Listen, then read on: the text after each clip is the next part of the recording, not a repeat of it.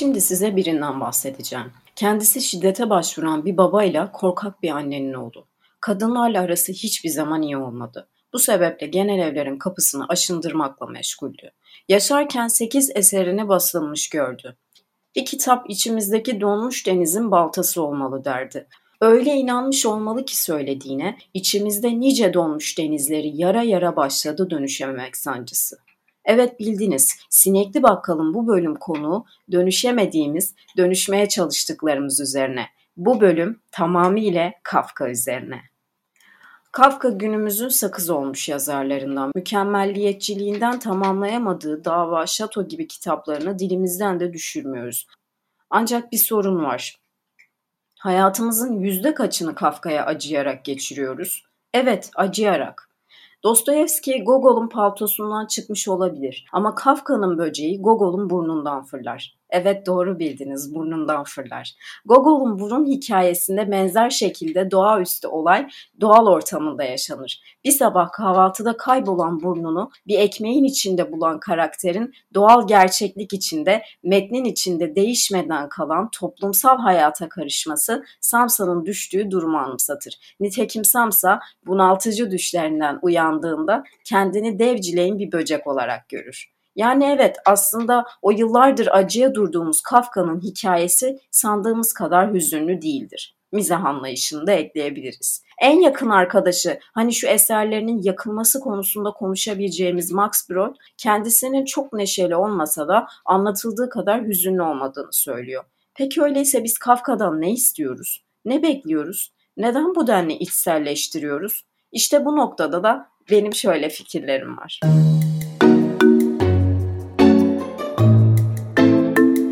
Bence biz Kafka'yı kendi hayatımızdaki problemlerle uyarlayıp içselleştirerek, fazlasıyla içselleştirerek her romana yaptığımız gibi üzerine fazla dramatik ögeler kondurarak onu benzetmeye çalışıyoruz. Yani kendimize benzetmeye çalışıyoruz. Evet Kafka'nın babasıyla problemli bir ilişkisi vardı. Dönüşüm eseri de bununla alakalı olarak ögeler içeriyor. Bu geçmişinden, hayatından otobiyografik bazı noktalar, iç, nüanslar içeriyor. Bu gayet normal ama ben Kafka'nın bir noktada çok abartıldığını, çok büyütüldüğünü görüyorum ve bence bu rahatsız edici bir durum. Çünkü belirli bir noktadan sonra günümüz dünyasında acıları bir şov malzemesi haline getirmek gibi bir moda var ve bunun en büyük bence zararlı çıkanlarından biri de Kafka. Kafka'yı sürekli olarak konuşuyoruz. Günlük hayatımızda birbirimize sorduğumuz sorulardan biri. Evet Kafka'yı çok severim. Ama ne okudum? Dönüşümü okudum. Başka kitap okudun mu? Hayır ya dönüşüm iyiydi. Hani sonrasına devam etmedim. Kafka'nın politik bir yönü de var aynı zamanda. Psikolojiden çok iyi anlayan, Freud'un yaptıkları düşüncelerine inanmasa da, teoremlerini desteklemese de Kafka'nın psikolojiden çok iyi anladığı ve eserlerinde bunu sonuna kadar yansıttığı da bir gerçek. Buna şüphemiz yok. Kafka'nın diğer insanlara nazaran acılı bir hayatı olduğunu söylemek, sürekli ızdıraplar içerisinde boğulduğunu söylemekte bence olayları fazla dramatize etmekten başka bir şey değil. Kafka'nın evet babasıyla problemleri vardı ama geçenlerde bir videoda karşılaştım. Babasından ısrarla su istediği için kendisini balkona kilitlemesi mevzusunu dahi böyle bir gözyaşları canhıraş bir şekilde anlatma gibi bir mevzusu vardı. Bence bu çok rahatsız edici. Ben yazarların genelde karakterlerinden ziyade kitaplarıyla konuşulmasından yanayım ve Kafka'da bir magazin figürü haline gelmiş durumda. Bu çok rahatsız edici. Özellikle Milena ile olan ilişkileri konusunda da ısrarlı bir şekilde ona yazdığı mektupların ifşa edilmesi, babasına yazdığı mektupların ifşa edilmesi ben ifşa edilmesi olarak görüyorum. Çünkü ben edebiyatta sanırım mektupların yayınlanması tarafında hala gelişim gösteremedim. Marquez gibi. Marquez de mektuplarının yayınlanmaması için onları yok edermiş. Eminim ben de büyük bir yazar olsaydım ya da ileride olursam kesinlikle bunu yaparım. Çünkü hiç hoş değil.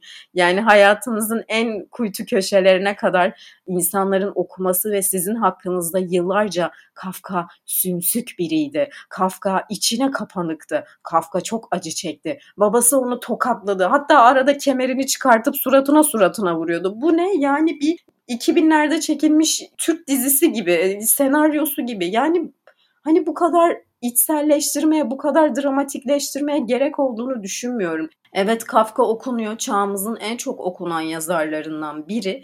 Ama bu denli abartıp içselleştirmenin yazarın kendi macerasında hani yazarlık macerasında bir yaşasaydı tabii ki bir olumlu bir etken olduğunu düşünmüyorum dile pelesenk olması, sürekli konuşuluyor olması onu bazı noktalarda geliştirmiş olabilir. Nitekim YouTube'a girdiğinizde, Instagram'a girdiğinizde ya da bir işte tez için Google Scholar'a girdiğinizde baktığınızda orada Kafka'ya dair birçok şeyle karşılaşabiliyorsunuz. Birçok araştırma, insanlar bunun üzerine düşünüyor ama yüzeysel.